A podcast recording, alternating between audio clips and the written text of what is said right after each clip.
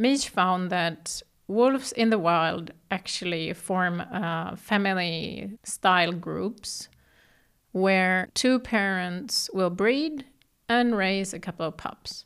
He also noticed that wild wolf packs don't exhibit the aggressive and competitive behavior that was seen in the captive wolves.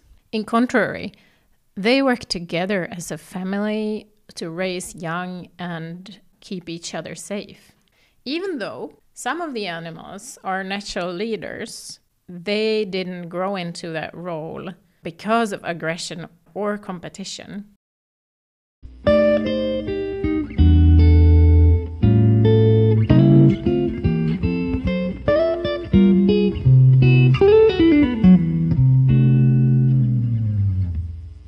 Hi guys, and welcome back to Valpkonsultpodden. I'm Petra Harvankova and I'm Valpkonsulten. If uh, you are not already following me, please follow me on Instagram uh, where I'm Valpkonsulten and on Facebook where I'm Valp Consult Valpkonsultpodden. You can also find me on my webpage www.valpkonsulten.com. And if you like what I'm talking about, both here today, and you can find me on Spotify and many other podcast providers.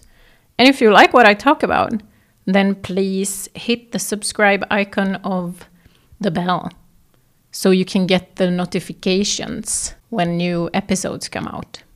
Today, I want to talk about the alpha theory or the terms like alpha male and alpha female. Alpha theory is wrong and is not true. This theory comes from a misunderstanding of both wolves and dogs. In 1940s, there was a scientist called uh, Rudolf Schenkel, and he did behavioral tests on wolves that were caught in the wild, put in captivity in a small enclosure, and then he was observing their behavior and these wolves were from different packs and they were not related. And he saw that they form um, hierarchy or like a, a pack order. Some of these wolves seem to have control over resources and the resources were passed to wolves in the lower rank.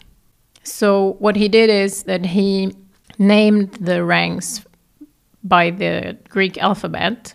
Alpha for the wolves that ate first, then beta for the ones that ate next, and then the most submissive dogs uh, were called omega.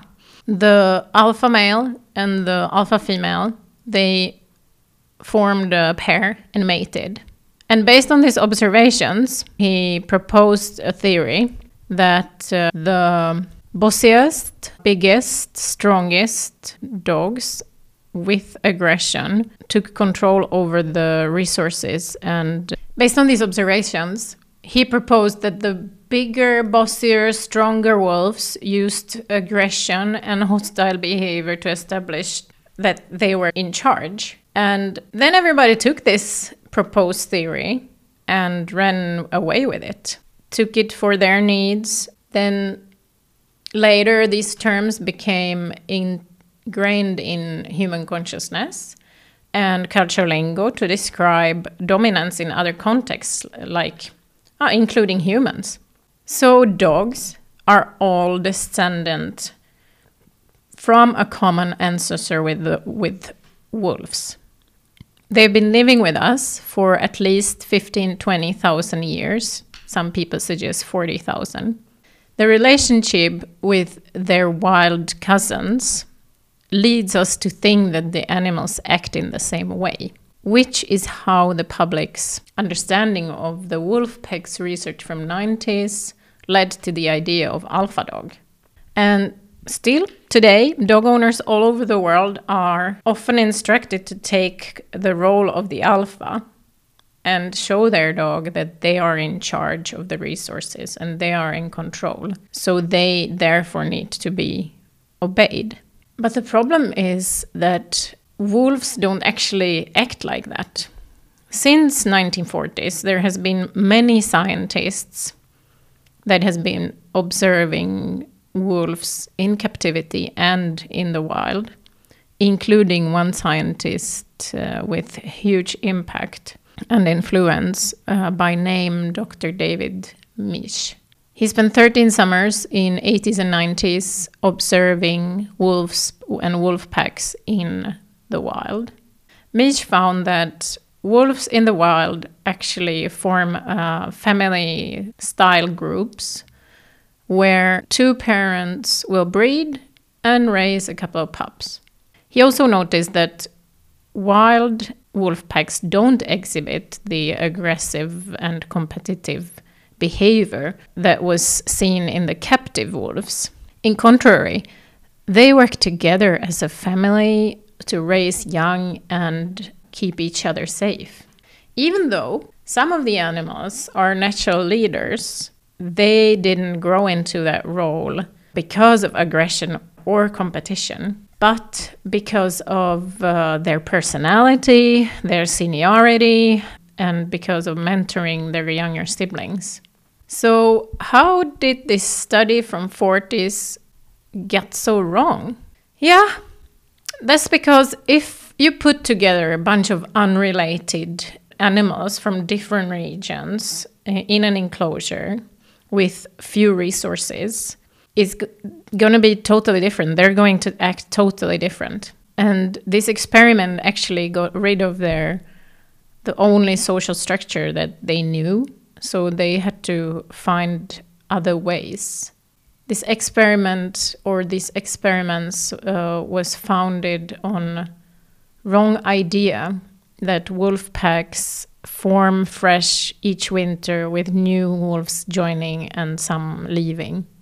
It wasn't until 80s and 90s when uh, Dr. Mech uh, published uh, his research uh, when researchers realized their error. Dr. Mech published a book already in 1970 where he used uh, to the term alpha male to label the top wolf of the pack. He himself says uh, today and even earlier that that was wrong and misleading. And instead of alpha male and female, scientists are now using the term breeding male and breeding female. Or you can call them mother wolf and father wolf. These are much accurate terms. The term alpha is really incorrect when applied to wolf pack leaders. When in activity, wolves form an artificial pack. When different wolves are put together and are unrelated, then they form a pack order and dominance rank, and then you could call the top animal for alpha. But this rarely happens uh, in the wild, if ever. Another very uh, rare occasion is when you have a complex pack with multiple breeders. And in that case, the top ranking breeding female, who usually is the mother, can be called alpha female. There is one more thing that makes this theory untrue. Despite the common ancestor with wolves, dogs aren't wolves. Studies show that thanks to domestication, dogs respond to humans differently than wolves do. They show more attachment to humans than wolves in captivity do, and dogs are also better in at picking up on our cues.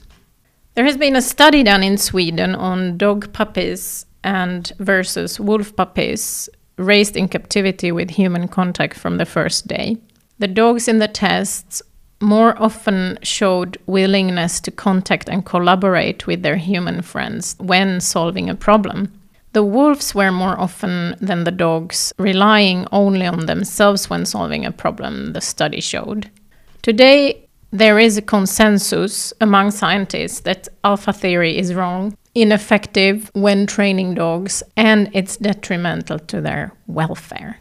Punishment as training method is very unpleasant for the dog and it can cause aggression and fearful behavior. You also destroy the relationship with your dog.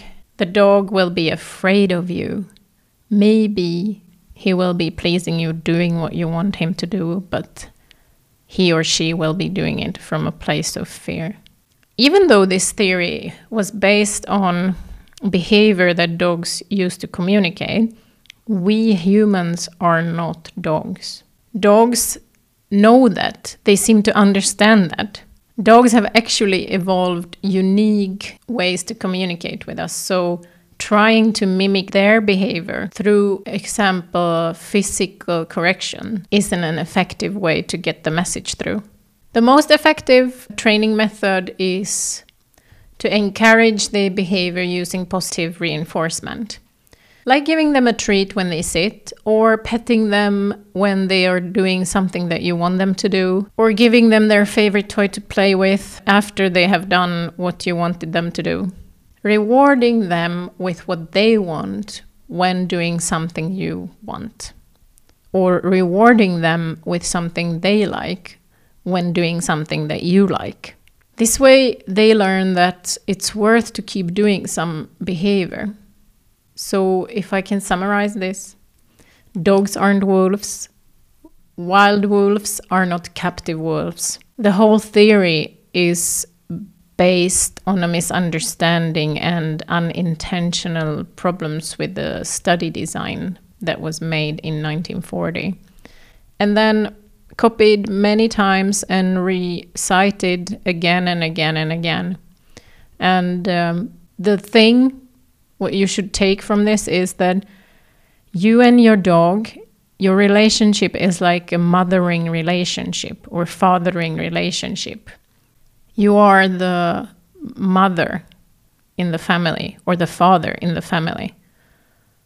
And you're supposed to calmly, lovingly show the dog what you want him to do, what you want her to do what is the behavior that you would like him to do or like her to do. You're setting the boundaries for the dog to be able to be in our society. And you're having a calm, loving approach in that. That's all that you need. Like, imagine you're having a kid. Kids also need to show boundaries. They need to have freedoms. They need to have their needs met. So dogs have their dog needs. If you work on that and you work on the, your relationship and you use positive reinforcement, like my favorite positive trainer is Victoria Stilwell. She has the School of Positively Training for dog trainers where they they learn her methods of positive training. So she's certified trainers to be positively trainers. And uh, she is on YouTube. She has programs on TV. Check her out. Uh, there is tons and millions of bad advice on YouTube still talking about you taking the alpha role tor- towards your dog. So please don't watch that because it's bullshit. If you like what I talk about, subscribe with hitting the bell icon on your podcast provider. And thank you for listening. Thank you for commenting. You can write a review in your podcast provider so I know what I can improve, improve and that I can do the quality work. Thank you so much for listening and have a great day or have a great night and have a great life.